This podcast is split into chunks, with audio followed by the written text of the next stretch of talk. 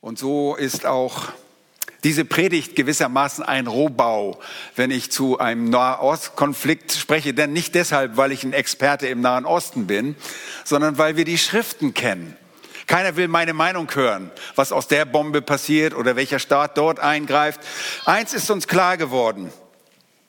Dieser Nahostkonflikt, wie er zurzeit wütet, hat eine neue Qualität. Und das Potenzial zu einem riesigen Flächenbrand ist wirklich gegeben. Äh, wenn ich nicht den Herrn kennen würde, würde, hätte ich die Hosen voll. Aber wir kennen den Herrn und wir sind getrost. Wir wissen, wer die Geschichte macht.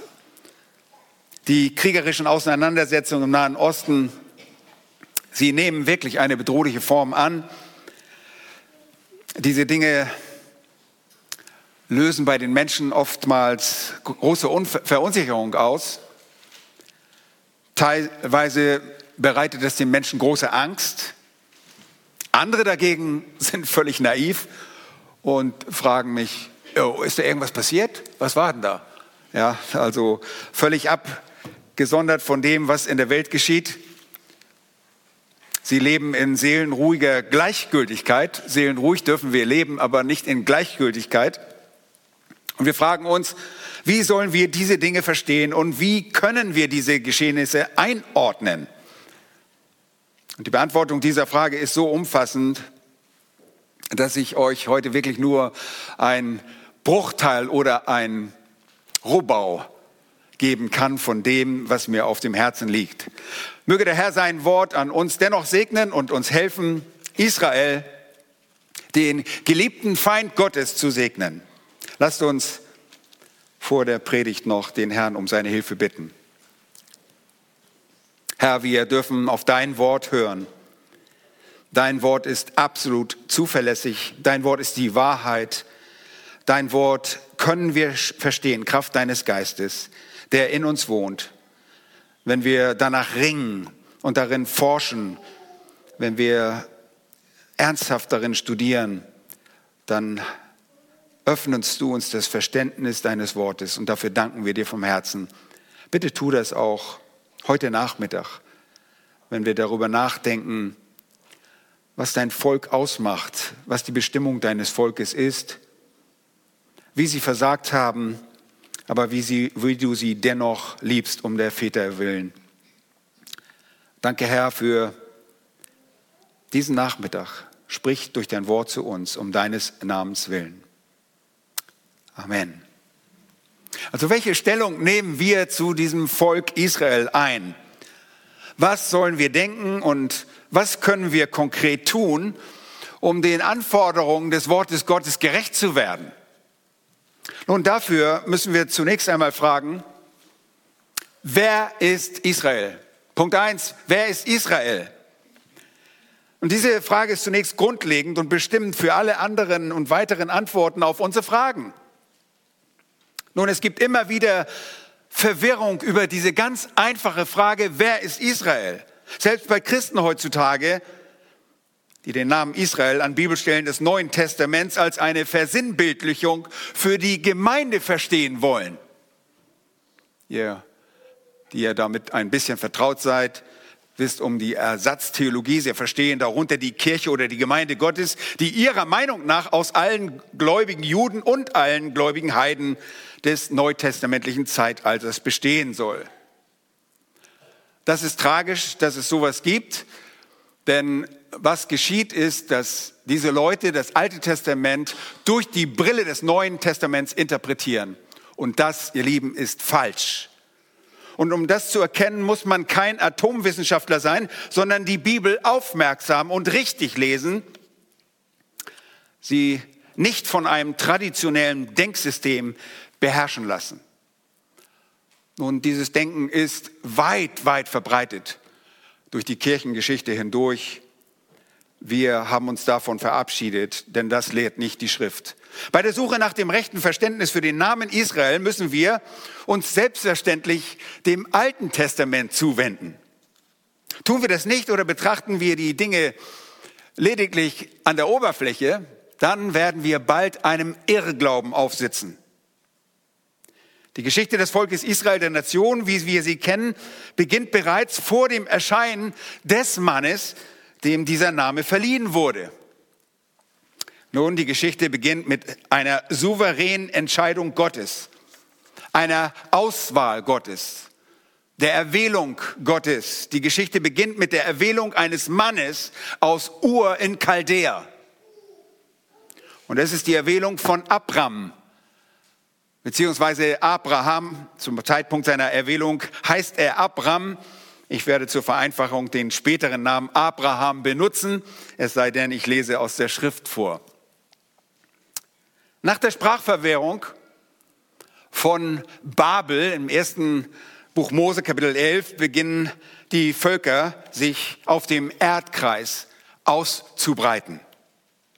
Inmitten dieses Verbreitens des Neutestament, äh, des äh, neu entstanden, der neu entstandenen Völker, die durch die Entstehung von Fremdsprachen bedingt wurde, beruft Jahwe, Gott in 1. Mose 12, sich diesen Abraham, diesen Abraham, ich wollte Abraham sagen, und diese Berufung Jahwes sollte Abraham zum Segen werden, aber nicht ihm allein, sondern durch ihn sollte Segen auf die gesamte Menschheit kommen.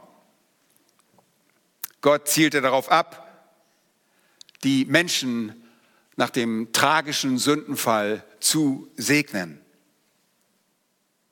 Für diesen Zweck trat Jahwe Gott mit Abraham in einen unilateralen oder einen bedingungslosen Bund, ein Bund, der bestimmte Verheißungen beinhaltete. Und wir finden die Wahrheiten zu diesem Bund auf den ersten Seiten der Heiligen Schrift. Ihr dürft es auch gerne aufschlagen. 1. Äh, Mose Kapitel 12. Bei der Hinführung zu diesem Bund lesen wir Folgendes dort in den Versen 1 bis 3. Und ich lese, Jahwe aber hatte zu Abraham gesprochen, geh hinaus aus deinem Land und aus deiner Verwandtschaft und aus deinem Haus deines Vaters in das Land, das ich dir zeigen werde, und ich will dich zu einem großen Volk machen und dich segnen und deinen Namen groß machen.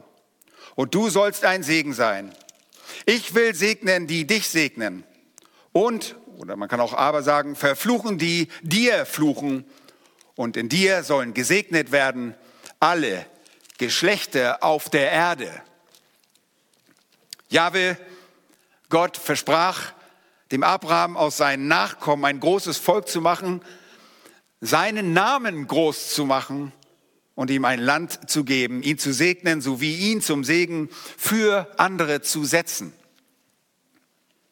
Er sollte Abraham zum Vater vieler Völker machen, und zwar durch einen von Gott gegebenen Sohn, beziehungsweise durch zwei Söhne. Eine Sohn ist der Sohn der Verheißung, der andere Sohn der Sohn nach dem Fleisch und deshalb wurde er auch ein Vater vieler Nationen. Aber der Sohn dieser Verheißung, den Gott gebrauchen wurde, wollte, das war Isaak. Und wiederum dessen Sohn Jakob, sie wollte Gott nutz, äh, nehmen, um aus Jakob und seinen Nachkommen eine Nation für Gott und Mensch zu machen. Dieses Volk sollte die in der Folge dieses Bundes, dieses Bundes mit Abraham und der entsprechenden Verheißung, es sollte schnell ins Leben gerufen werden. Und dieses Volk trägt den Namen Israel, Gottes Streiter, weil Gott diesem Jakob einen neuen Namen gab, sind sie keine Jakobiner, sondern sie sind Israelis. Alle Söhne Jakobs, alle Söhne Israels sind Israeliten, sind Israelis. Gott sagte dem Jakob in 1. Mose 32, 29, dein Name soll nicht mehr Jakob sein, sondern Israel. Denn du hast mit Gott und Menschen gekämpft und hast gewonnen. Und ein weiteres Mal in 1. Mose 35, die Verse 9 und 10. Dort sehen wir, Jakob erschien, beziehungsweise Gott erschien Jakob zum zweiten Mal, seitdem er aus Padan Aram gekommen war und segnete ihn. Und Gott sprach zu ihm, dein Name ist Jakob, aber du sollst nicht mehr Jakob heißen, sondern Israel soll dein Name sein. Und so gab er ihm den Namen Israel. Ihr Lieben, unter dieser Bezeichnung Israel verstehen wir deshalb durchweg die leiblichen Nachkommen Jakobs, den Jahwe selbst Israel nannte. Der Name Israel bezieht sich immer auf Israel selbst, auf diese Nation selbst. Es gibt kein geistliches Israel. Es gibt wohl einen geistlichen Samen, äh, den Samen äh, Abrahams, der wir durch den Glauben sind, aber es gibt nicht dieses geistliche Israel. Das geistliche Israel, das Israel Gottes ist das gläubige Israel. Das sind Israeliten, Israelis. Israel hat mit Jahwe in einer, steht mit Jahwe in einer ganz besonderen Beziehung. Und schon bevor sie wirklich eine Nation mit einem ihm gegebenen Land sind, sehen wir, dass Israel in einer sehr persönlichen Beziehung zu Jahwe steht. Und zwar lesen wir in 2. Mose Kapitel 4, und dürft ihr gerne auch aufschlagen, 2. Ähm, Mose Kapitel 4, interessante Worte dort, Vers 22 und 23. Ihr erinnert euch, Israel mit seinen Söhnen kam durch Josef nach Ägypten in die Knechtschaft. Aber dort wurden sie herausgeholt und Mose und Aaron erschienen vor dem Pharao und in Vers 22 heißt es, du sollst dem Pharao sagen, so spricht Jahwe, Israel ist mein erstgeborener Sohn. Darum sage ich dir, lass meinen Sohn ziehen, damit er mir dient. Oh, jeder, der das vom Neuen Testament hier liest, denkt, ups, mein erstgeborener Sohn. Jahwe hat einen erstgeborenen Sohn und der heißt Jesus Christus. Ja, das ist die Beziehung zu seinem Volk. Israel ist mein, Erstgeb mein erstgeborener Sohn. Israel ist das Bundesvolk Jahwes, das mit dem lebendigen Gott und zu in anderen, andere Bündnisse, die folgen sollten, treten sollte. Es folgten andere Bündnisse. Aber das ist Israel. Israel ist dieses Volk, das Gott sich erwählt hat. Zweitens, was ist die Bestimmung Israels? Was ist die Bestimmung? Nun, ihr wisst, dass sich die Menschen nach der Sprachverwirrung zu Babel auf dem Weltkreis verbreiteten. Und wir können uns das allzu gut vorstellen, dass sich aus dieser Sprachverwirrung ein Verbreiten ergab. Aber diese Menschen hatten schließlich keinerlei Bezug mehr zu Jahwe. Sie waren persönlich und als Völker ohne Gott und deshalb auch ohne jegliche Hoffnung in dieser Welt. Denn sie waren Götzendiener, Anbeter ihrer eigenen Gottheiten. Und wir können es eigentlich wie Paulus sagen im Epheserbrief Kapitel 2, sie waren fern, hatten keine Hoffnung und waren ohne Gott in der Welt. Der durch den Sündenfall eingetretene Fluch der Sünde versklavte alle Menschen und somit auch alle Völker, einschließlich Israel. Alle Menschen brauchen auch heute noch Erlösung, weil sie versklavt sind, weil wir versklavt sind als natürliche Menschen in der Sünde und keine Beziehung zu Gott haben. Und aus diesem Grund sah Gott schon damals in seinem Heilsplan vor, nicht nur durch einzelne Menschen zu wirken, sondern sich ein großes Volk zu erwählen, das als ein Instrument des Segens sein würde. Auf diese Weise wollte Jahwe Gott Abraham segnen und ihn für die ganze Menschheit zum Segen setzen. Die aus seinen Lenden hervorgegangene Nation Israel sollte selbst gesegnet werden – aber aufgrund seiner Absichten privilegierte Jahwe Israel ein Instrument des Segens für die ganze Welt zu sein. Nun, ein Instrument des Segens zu sein bedeutete in erster Linie ein Kanal zu sein, durch den der Segen Gottes zu allen anderen Völkern der Welt kommen sollte. Das war von Anbeginn der Existenz Israels die Bestimmung dieser Nation.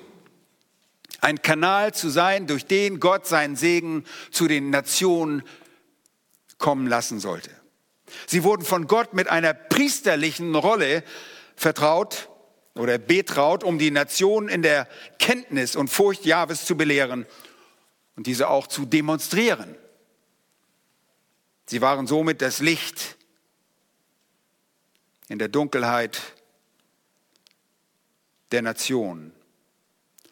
Und sie waren der Weg, um sich Gott zu nähern. Was für eine verantwortungsvolle Rolle, die Israel von Anbeginn innehatte.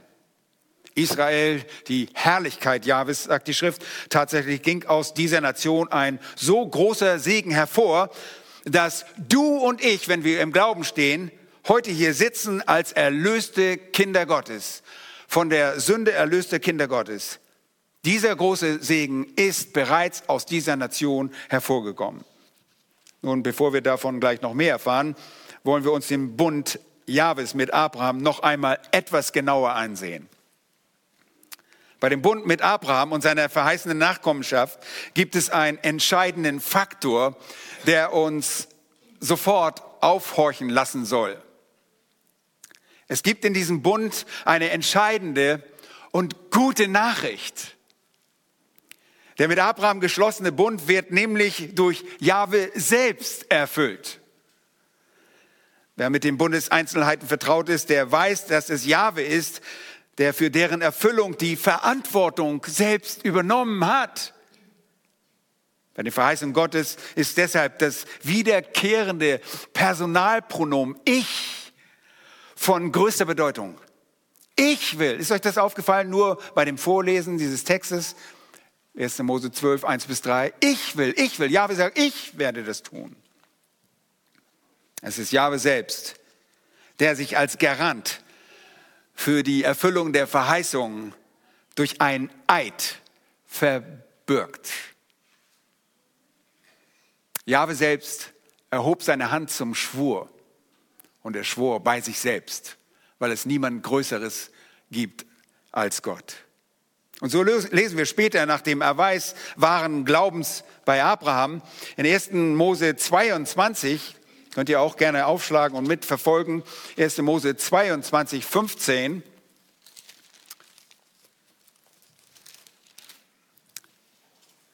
Erste Mose 22, 15 bis 18.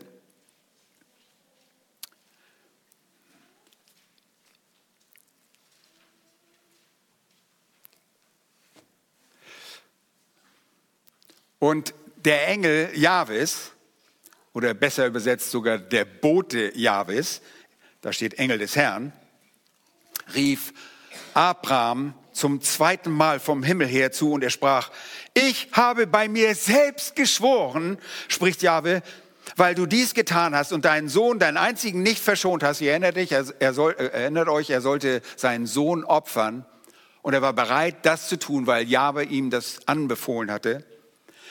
Vers 17, darum will ich dich reichlich segnen und deinen Samen mächtig mehren wie die Sterne am Himmel und wie den Sand am Ufer des Meeres. Und dein Same soll das Tor seiner Feinde in Besitz nehmen. Und in deinem Samen sollen alle Völker der Erde gesegnet werden, weil du meiner Stimme gehorsam warst. Ihr Lieben, schon zuvor lasen wir in 1. Ähm, Mose 15, die Verse 18 bis 21, dass der Bund die notwendige Verheißung für ein Land einschließt. Ich lese diesen Text 1. Mose 15, 18 bis 21. Da ist es, an jedem Tag machte Jahwe einen Bund mit Abram und sprach, deinem Samen habe ich dieses Land gegeben.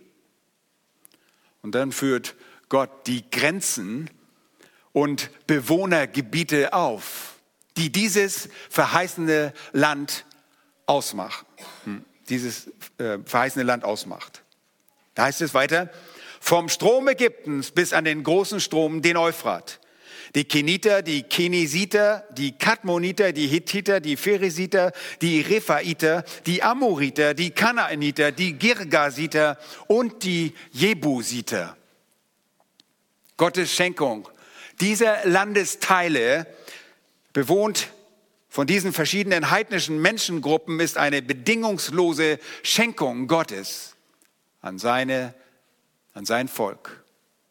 Die Einnahme dieser Landesteile musste nur im Glauben realisiert werden. Diese Schenkung beinhaltete das Land Kanaan, heute zum Teil als Palästina bekannt.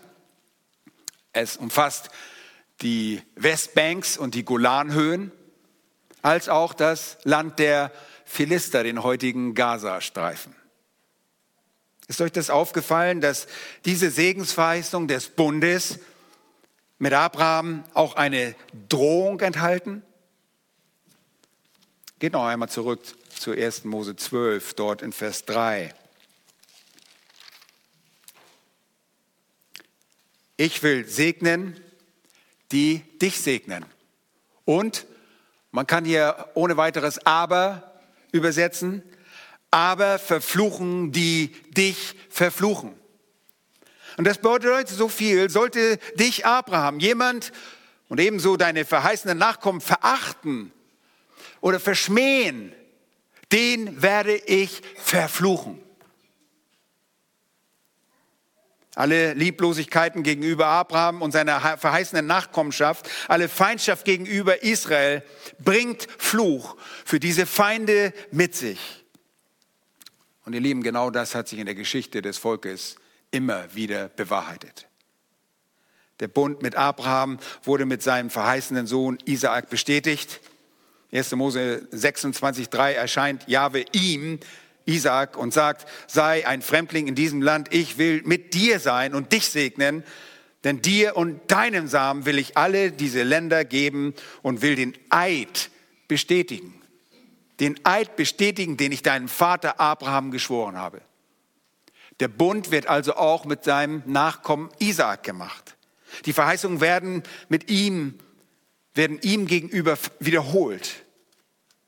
Die Verheißungen gelten also nicht dem Sohn des Fleisches, nicht dem Ismael, wie der Koran es aufzeigt. Ich habe in dieser Woche sehr viel im Koran gelesen und es ist wirklich eine absolute Verdrehung. Wir können verstehen, warum Satan der Affe Gottes genannt wird, weil er Dinge nachafft. Nicht Ismael, sondern Isaak ist der Sohn der Verheißung. Schließlich wird dem Jakob, der Namensgeber der Nation ist, der die zwölf Stämme Israels zeugte, mit ihm wird der Bund genauso bestätigt. Wir lesen, er, Jakob, hatte einen Traum und siehe, eine Leiter war auf die Erde gestellt, die reichte mit der Spitze bis an den Himmel. Und siehe, auf ihr stiegen die Engel Gottes auf und nieder. Und siehe, Jahwe stand über ihr und sprach, ich bin Jahwe, der Gott deines Vaters Abrahams und der Gott Isaaks.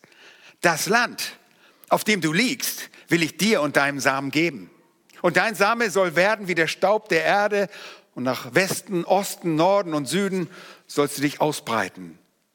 Und in dir und in deinem Samen, hört genau zu, sollen gesegnet werden alle Geschlechter der Erde. Und das wiederholt und bestätigt die Verheißung an Abraham und Isaac.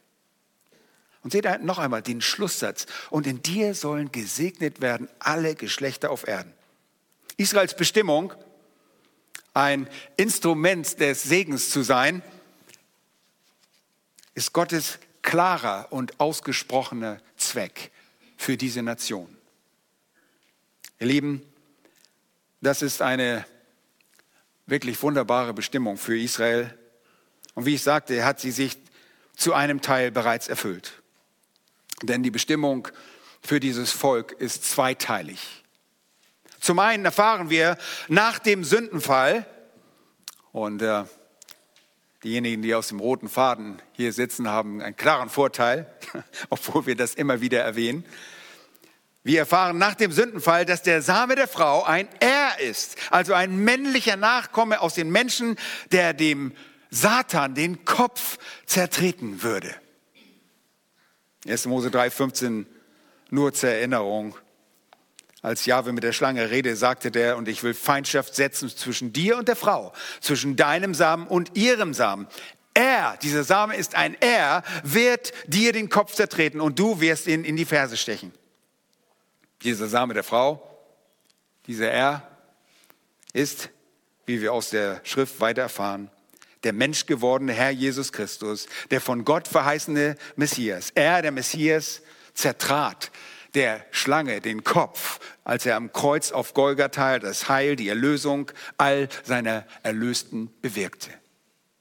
Er, der Erretter, der Herr Jesus, hört gut zu, ist ein Nachkomme Abrahams.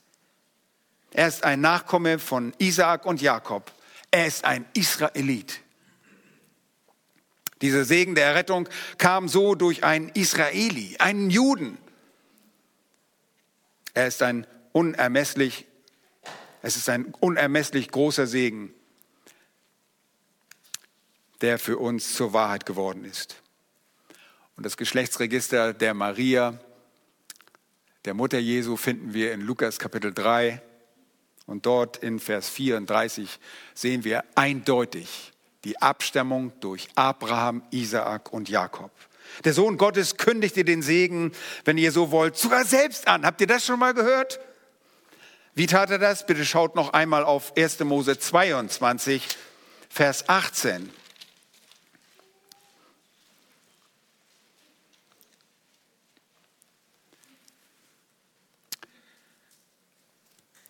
Da heißt es, und in deinem Samen sollen, wir, sollen alle Völker der Erde gesegnet werden, weil du meiner Stimme gehorsam warst.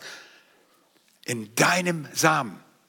Interessant ist zu lesen, wenn wir in den Galaterbrief gehen, dort heißt es in Kapitel 3, Vers 16, dort bestätigt Paulus, dass dieser Same nicht in einem kollektiven Sinne zu verstehen ist, sondern sich auf eine Person bezieht und das ist Christus. Wir lesen Galater 3, Vers 16. Nun aber sind die Verheißungen dem Abraham und seinem Samen zugesprochen worden. Und es heißt nicht und den Samen als von vielen, sondern als von einem und deinem Samen. Und dieser ist Christus. Ein aus dem Menschengeschlecht stammender Nachkomme der Frau ist der Erlöser. Genau gesagt stammt dieser unser Erlöser aus dem Samen Abrahams, ein physischer Nachkomme Abrahams. Und das macht Jesus zum Juden, zu einem Israeli. Und wisst ihr, wer diese Worte dort spricht in 1. Mose 22, Vers 18? Das seht ihr in Vers 15. Diese Worte sprach der Bote Jahwes zu Abraham, der Engel des Herrn. Und dieser ist, so glauben wir aufgrund des Gesamtzeugnisses der Heiligen Schrift, die zweite Person der Gottheit. Das Auftreten dieses Boten ist eine Sohneserscheinung, besser bekannt als eine Christophanie. Jesus selbst bezeugte auch der Samariterin in Johannes 4, dass er der verheißene Erlöser ist und betont dabei seine Herkunft. Er sagt dort in äh, Johannes 4, Vers 22, zu dieser Frau, ihr betet an, was ihr nicht kennt, wir beten an, was wir kennen, denn das Heil kommt aus den Juden. Im Anschluss bestätigt Jesus hier in Vers 26 ausdrücklich, dass er der Messias ist. Wie wunderbar. Die messianische Hoffnung wurde in dem Herrn Jesus Christus erfüllt. Der Herrscher der Welt kommt aus dem Stamm Juda. Und Juda ist Israel. Und das wusste selbst Jakob in seiner prophetischen Ankündigung 1. Mose 49 äh, und Vers 10 prophezeite er, er sagt, das Zepter, es wird das Zepter nicht von Juda weichen, noch der Herrscherstab von seinen Füßen, bis der Shiloh kommt und ihm werden die Völker gehorsam sein. Das ist gewissermaßen ein Kryptogramm, bezieht sich, dieser Shiloh bezieht sich auf den Messias. Er ist der Herrscher, der für das Volk der Verheißung die Sünden bezahlte. Er wurde uns, die wir aus den Nationen sind, auch zum Retter. Genau gesagt, gereicht es uns zum Heil, dass Israel einer temporären Teilverstockung widerfahren ist, mit dem Zweck, sie durch uns zur Eifersucht zu reizen. Nun, Israel nahm den Messias nicht an. Zweitens, bis jetzt nahm sie ihn nicht an. Zweitens liegt der Segen Israels nicht nur in der Tatsache, dass der Erlöser Jesus Christus aus Israel stammt und wir dem Juden somit viel zu verdanken haben, sondern Gott bestimmte für Israel eine segnende Führungsrolle unter den Nationen in der Welt. Ich sage es nochmal, er bestimmte für die Nation eine Führungsrolle unter den Nationen in dieser Welt. Sie sollten laut 2. Mose 19, Vers 6 Jahwe ein Königreich von Priestern und ein heiliges Volk sein.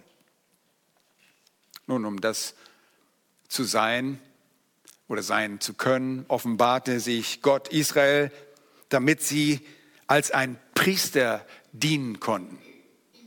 Nun, ein Priester hatte die Aufgabe, das Gesetz zu lehren, die Erkenntnis Gottes zu wahren. Jetzt sollten sie als ein Priester fungieren gegenüber den Nationen, weil Gott offenbarte sich nicht den Nationen, sondern Israel. Sie erhielten das Gesetz, um Gott wohlgefällig werden zu können und um andere daran zu lehren. Sie erhielten genaue Anweisungen, wie sie sich einem heiligen Gott nähern konnten und wie es Vergebung für ein schuldbeladenes Leben geben konnte. Dafür erhielten sie ein Gesetz mit Rechtsbestimmung, das Grundlage wurde für einen weiteren Bund am Sinai. Und ihr wisst, wovon ich spreche, von dem mosaischen Bund. In diesem Bund wurde Israel gefordert, Gehorsam gegenüber den Bundesbestimmungen zu zeigen, denn dieser Gehorsam gegenüber dem mosaischen Gesetz brachte ihnen Segen. Ungehorsam brachte ihnen Fluch. All diesen Anweisungen, diesen Rechtsbestimmungen mussten sie gehorchen, um das zu sein, wozu Gott sie bestimmt hatte. Sie sollten und sie mussten sich als Nation heiligen, Sie mussten sich absondern von allen anderen Nationen. Sie sollten sich unterscheiden, das heißt es, heiligen, absondern.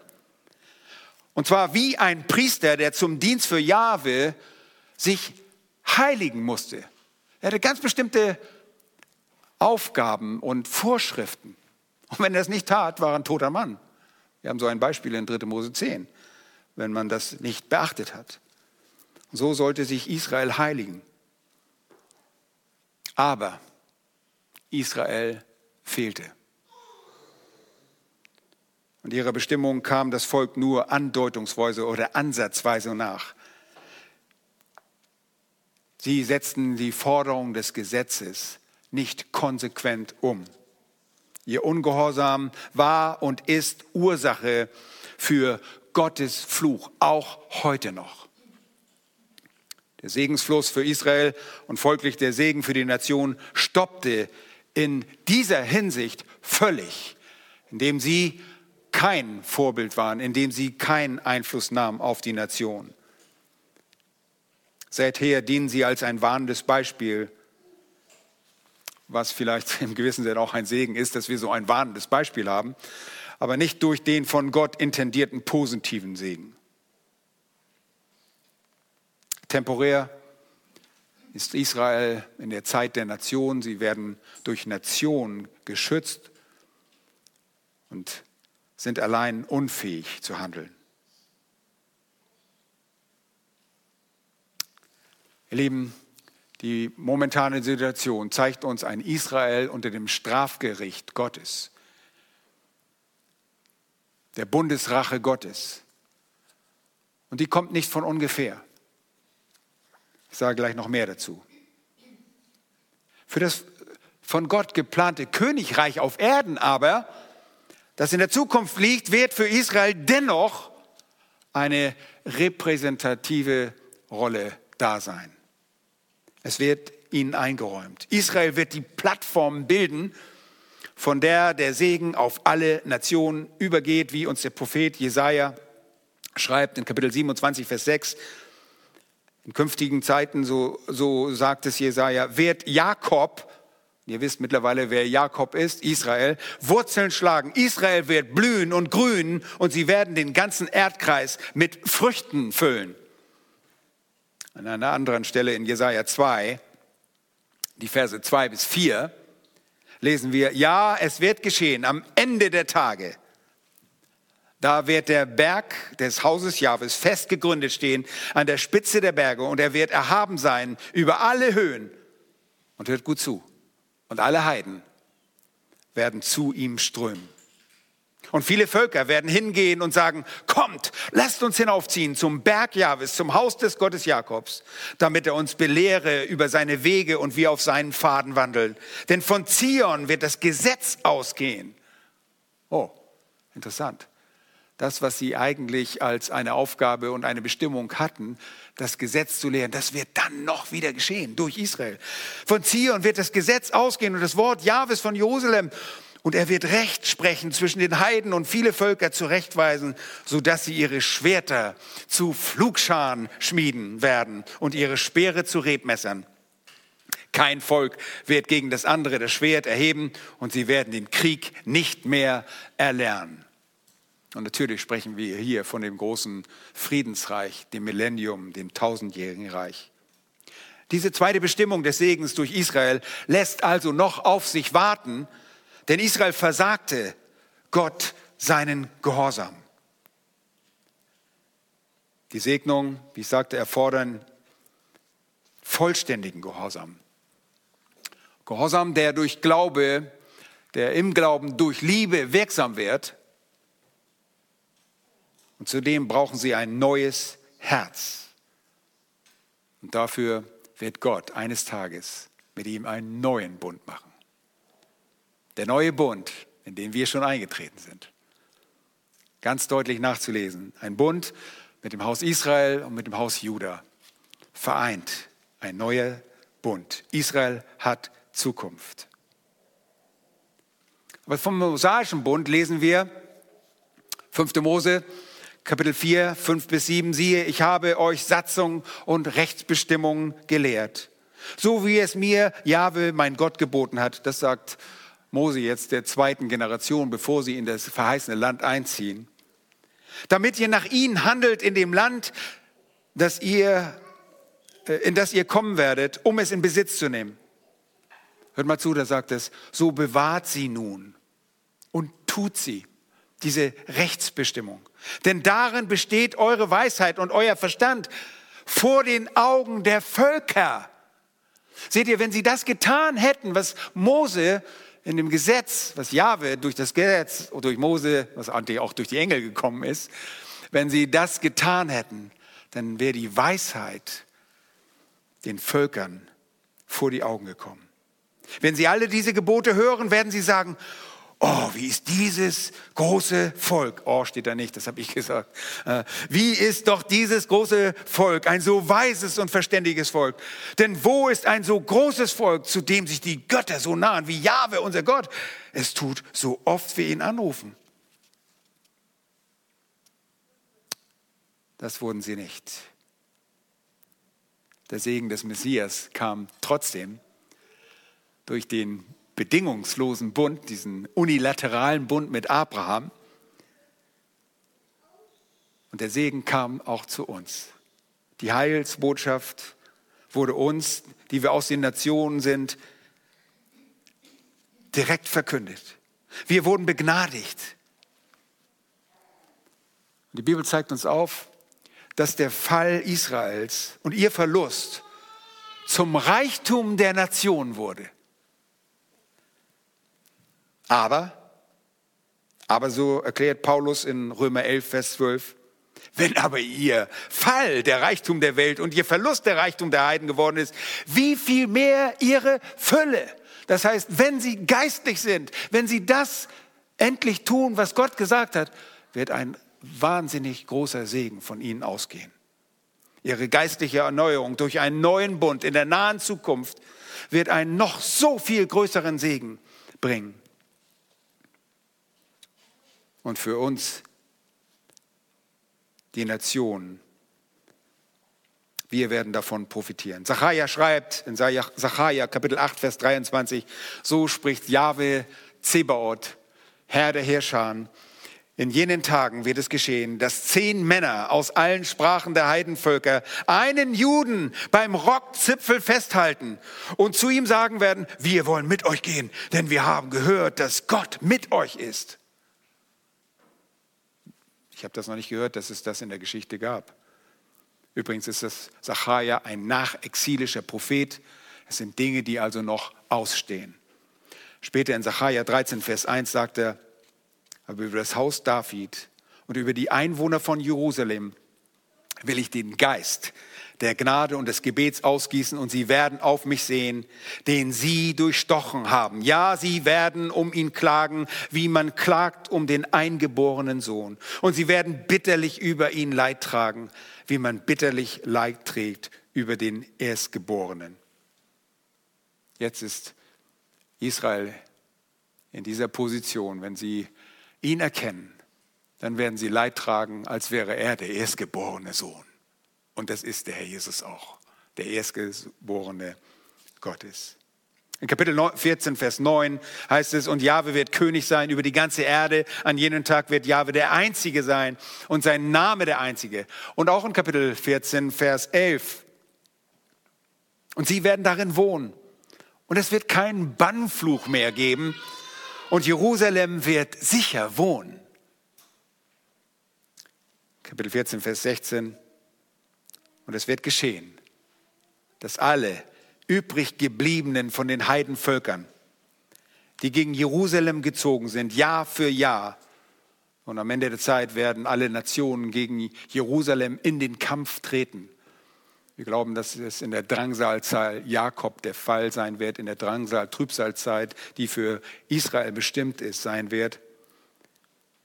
Aber die übrig gebliebenen von diesen Heidenvölkern, die nicht vernichtet worden sind, sie werden Jahr für Jahr im Millennium dann, im Friedensreich, Jahr für Jahr heraufkommen, um den König Jahwe Zebaoth anzubeten und das Laubhüttenfest zu feiern. Die Nation mit den Juden zusammen das Laubhüttenfest zu feiern. Interessant. Die Bestimmung also eine zweifache. Einmal den Messias hervorzubringen und zweitens eine Führungsrolle unter den Nationen zu sein, die momentan nicht da ist, aber da sein wird.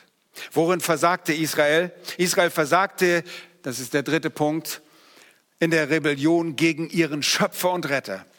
Und der Prophet Hosea schrieb treffend, Setze das Schofarhorn an deinen Mund. Wie ein Adler kommt es über das Haus Jahwes, weil sie meinen Bund, das ist der mosaische Bund, übertreten und sich gegen mein Gesetz vergangen haben. Zu mir werden sie schreien, du bist mein Gott, wir Israeliten kennen dich. Israel hat das Gute verworfen. Jetzt soll es der Feind verfolgen. Oh, wie schrecklich. Jetzt soll es der Feind verfolgen. Sie haben Könige eingesetzt, ohne meinen Willen. Fürsten, ohne dass ich es billigte. Aus ihrem Silber und Gold haben sie Götzen gemacht, damit sie sich selbst zugrunde richteten. Israel versuchte Gott durch den Bundesbruch durch, und sie versuchten durch Gesetzeswerke die nicht mit einem ernsthaften Glauben und mit Liebe verbunden waren. Ihre, sie versuchten durch Gesetzeswerke ihre eigene Gerechtigkeit aufzurichten. Sie fehlten Gott. Israel war und ist sündhaft und statt Jahwe anzubeten, beteten und beten sie immer noch fremde Götter an. Israel tat alles und tut alles, was es nicht tun sollte und tun soll. Es war und ist undankbar. Es war und ist uneinsichtig. Israel ist Verstockung widerfahren, eine Verblendung, eine Teilverstockung, denn es gibt tatsächlich Gläubige, es gibt Christen, jüdische Christen. Ich betone immer wieder, das sind jüdische Christen, nicht messianische Juden, weil der gemeinsame Nenner ist das Christentum, nicht das Judentum. Es gibt solche, aber die, der Mehrheit ist Blindheit widerfahren. Es heiligt sich nicht, sondern wir, wir sehen in der Geschichte des Wortes Gottes, es glich den Nationen, die sie vor sich selbst her austreiben sollten, als sie das Land einnahmen. Und sie wollten sogar wie die Nationen sein. Und deshalb forderten sie auch Könige. Und wir sehen, dass Gott in seinem Zorn ihnen den König Saul gibt. Das wird ausdrücklich in der Schrift gesagt. In seinem Zorn gab ich euch einen König. Im Propheten Hosea. Israel wollte den Heiden gleich sein. Und selbst während der Zeiten der Monarchie, Monarchien muss man sagen, begangen sie abscheuliche Gottlosigkeiten. Gott straft die Israelis deshalb heute immer noch. Sie halten das harte, verdiente und gerechte Gericht Gottes. Nun, in diesen Tagen habt ihr sicherlich gehört, Israel fordert die Palästinenser auf, den Norden Gazas zu verlassen, damit sie keinen Schaden nehmen. In gleicher Weise forderte Jahwe Israel auf, seinen Geboten zu folgen, damit sie keinen Schaden nehmen. Israel steht deshalb unter dem von Gott angekündigten Gericht. Und wir haben großes Mitgefühl. Und wir sind nicht schadenfreudig. Und der Höhepunkt ihrer Rebellion machte die Ablehnung ihres Erlösers aus. Und immer noch warten sie auf den Messias, aber dieser ist längst gekommen. Und zwar nicht Menachem Mendel Schneerson, der von 1950 bis zu seinem Tod der Rebbe der Chabad-Bewegung, einer kassidischen Gruppierung innerhalb des orthodoxen Judentums war. Das war ihr Messias und ist es immer noch. Obwohl er gestorben ist, glauben viele noch, er wäre der Messias. Und ihr wisst, es wird viele falsche Christusse geben. Nein, Jesus ist der Christus. Und bis heute hat Israel die gute Nachricht von Jesus Christus nicht verstanden. Im Gegenteil, sie haben sich gestoßen an dem Stein des Anstoßes, Römer 9, dem Gipfel ihrer Gottlosigkeiten. Und sie töteten ihren Messias. Die Verwerfung des Christus macht jeden Ungläubigen, jeden Ungläubigen, nicht nur die Juden, zu einem Feind Gottes.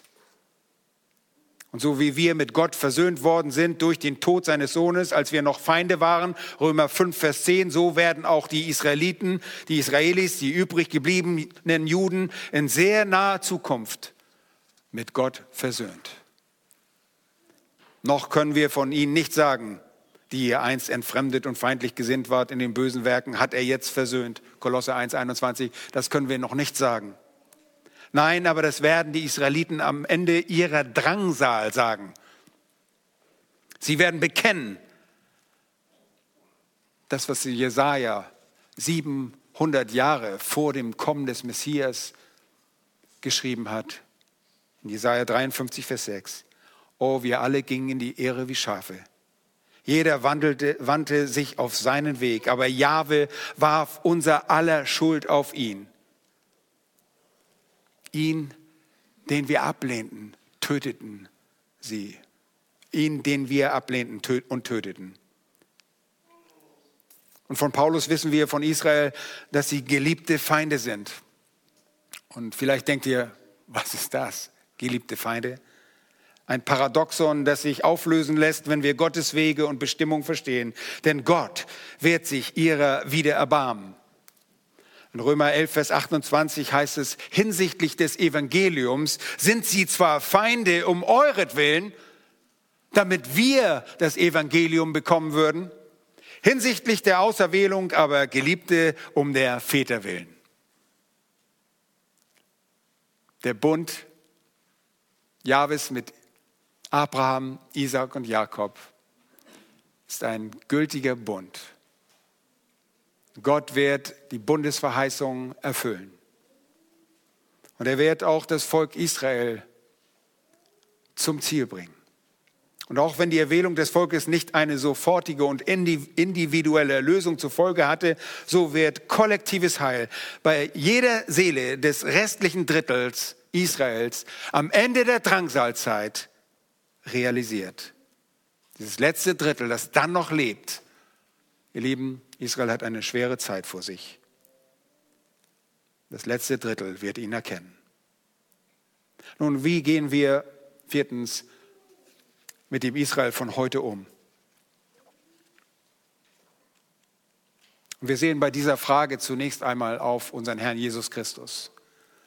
In Lukas 19, Vers 41 und 42 heißt es, als er, das ist Jesus, näher kam und die Stadt sah, weinte er. Er weinte über sie und sprach, wenn doch auch du erkannt hättest, wenigstens noch an diesem deinen Tag, was du da im Frieden dient. Nun aber ist es vor deinen Augen verborgen. Wir haben zunächst einmal Mitgefühl. Zunächst einmal weinen wir über das Schicksal dieser Nation, ganz wie der Herr Jesus um Jerusalem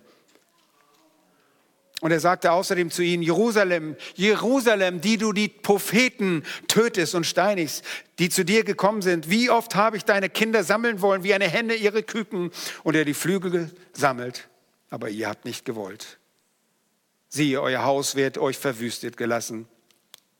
Denn ich sage euch, ihr werdet mich von jetzt an nicht mehr sehen, bis ihr sprechen werdet, gepriesen sei der, welcher kommt im Namen des Herrn. Matthäus 23, Verse 37 bis 39. Aus den biblischen Befunden ergibt sich für uns trotz ihrer Gottesfeindschaft, dass wir eine wohlwollende Einstellung zum Volk Gottes haben. Ja, es ist ein Volk, das jetzt verstockt und verblendet ist, ein Volk, das sich schwer an ihrem Gott versündigt, ein Volk, dessen Handlung bei weitem nicht von Gottes Furcht bestimmt ist. Es ist ein Volk, das unweise Entscheidungen trifft, aber es ist das Volk, dessen Fortbestehen durch Jahwes Verheißung gewährleistet ist. Und wer es antastet, tastet Gottes Augapfel an. Ein Volk, dessen Zukunft wir durch das Wort Gottes kennen. Ein Volk, das jetzt nur einen kleinen Überrest treuer Gottesanbeter besitzt. Nochmals jüdische Christen. Ein Volk, das auch künftig durch schwere Zeiten gehen wird, durch eine große Trübsal. Nochmals, bevor dann der noch übrig gebliebene Teil sich nochmals einer strengen Läuterin Gottes hingeben muss, aber geläutert wird, gereinigt wird und gerettet wird. Es ist ein Volk, das bei der Wiederkunft des Messias geschlossen und vollständig zum Glauben kommt. Glaubt ihr an Erwählung? Ja, weil Gott es verheißt. Und wir sehen hier, dass er sein Volk erwählt hat zum Heil. Gott wird sich ihrer wieder erbarmen Israel ist das ultimative Beispiel der tiefen Liebe und tiefreichenden Barmherzigkeit Gottes. Und wenn ihr den Römerbrief durchlest, ist genau das der Punkt. Wir sehen die Abscheulichkeiten, die Sündhaftigkeiten eines jeden Menschen, aber besonders die des Volkes Israel. Römer Kapitel 9 bis 11. Dort sehen wir die Barmherzigkeiten Gottes sodass Paulus dann Kapitel 12 fortfährt und sagt, im Lichte dieser Barmherzigkeiten Gottes gebt auch ihr eure Leiber als ein Gott wohlgefälliges, heiliges Opfer. Gebt ihr eure Leiber hin, weil er so barmherzig ist. Nun, Gott wird sich erbarmen. Und wir beten deshalb für die Erlösung und Buße Israels, die kommen wird. Wir beten, wie es zuvor König David tat, für den Frieden der wahren Landeshauptstadt, für den Frieden Jerusalems. Im Psalm 122, Vers 6 fordert König David auf, bittet für den Frieden Jerusalems. Und er fügt in diesem Satz hinzu, was auch dem Abraham verheißen wurde, es soll denen wohlgehen, die dich lieben. Israel ein Volk, das auch du lieben sollst. Und du kannst es lieben, indem du betest. Du kannst es lieben, indem du ihnen, wo immer dir möglich, das Evangelium von Jesus Christus verkündigst. Du kannst es lieben, indem du Missionare unterstützt, die unter Juden arbeiten. Du kannst es lieben, indem du allen Menschen Gottes Ratschluss für Israel erklärst und ihnen zeigt, dass die tatsächliche Bedrohung in der bevorstehenden Ankunft des Herrn Jesu liegt. Weil jeder Mensch ohne den Gott Israels ein Feind Gottes ist. Israel und die Welt braucht Jesus. Du brauchst Jesus. Und die größte Liebe, nochmals, die ihr dem Volk Israel erweisen könnt und dafür Segen ernten werdet, ist es, den Juden das Evangelium von Jesus Christus zu bringen. Oh, sie wollen es ja gar nicht hören. Dennoch bringt die Wahrheit den Juden. Willst du das Wohlwollen Gottes? Dann vergreif dich nicht am Volk Israel. Auch nicht mit Worten. Verspotte Israel nicht. Auch dann nicht, wenn eine große Niederlage über sie kommen wird. Und die wird es geben. Die wird es geben. Ich weiß nicht, ob das jetzt der Fall ist, aber die Bibel spricht davon, dass sich alle Nationen vor Jerusalem sammeln werden in einem Kampf, der nach Niederlage aussieht. Und dann kommt der Herr wieder. Nun, dem Herrn sei Dank, dass wir nicht in dieser Drangsalzeit sehen, aber du kannst für diese Menschen beten. Bete für die Menschen dieser Nation, wohl wissend, um die bevorstehende Zeit ihrer großen Not. Ihr Lieben, die den Holocaust bei Weitem übersteigen wird, so dass selbst ihrer, ihr eigener Prophet Daniel sagte, denn es wird eine Zeit der Drangsal sein, wie es noch keine gab. Das ist die Drangsal Jakobs. Der Friedefürst ist bereits gekommen und er wird wiederkommen. Ja, Jesaja prophezeite. Denn ein Kind ist uns geboren. Ein Sohn ist uns gegeben und die Herrschaft ruht auf seiner Schulter. Und man nennt ihn seinen Namen wunderbarer Ratgeber, starker Gott, ewig Vater, Friedefürst. Jesaja 9, Vers 5. Und genau das führt uns zu der Hoffnung, dem Trost für Israel. Was ist die Hoffnung und der Trost Israels? Fünftens, die Hoffnung und der Trost Israels ist eine Person. Jesus Christus, der Erlöser. Er, der auch uns von unseren Sünden errettet hat, ist der, der ebenso die Hoffnung, der Trost Israel ist. Wir lesen im Lukas-Evangelium Kapitel 2 von einem Mann, ein Mensch namens Simeon in Jerusalem. Und dieser Mensch war gerecht und gottesfürchtig und er wartete, heißt es dort, auf den Trost Israels. Und der Heilige Geist war auf ihm und er hatte vom Heiligen Geist die Zusage empfangen, dass er den Tod nicht sehen würde, bevor er den Gesalbten des Herrn gesehen habe. Seht ihr, hier wird der Trost mit dem Gesalbten gleichgesetzt.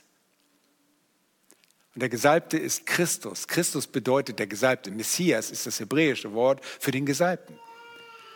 Paulus schreibt in 2. Thessalonicher Kapitel 2 und Vers 16 und 17, er selbst aber, unser Herr Jesus Christus und unser Gott und Vater, der uns geliebt hat, hat uns einen ewigen Trost und eine gute Hoffnung gegeben durch die Gnade.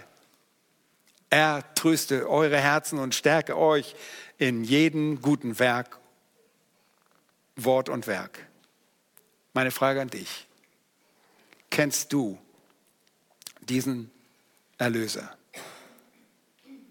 Kennst du Jesus Christus? Hast du eine Beziehung zu Jesus Christus?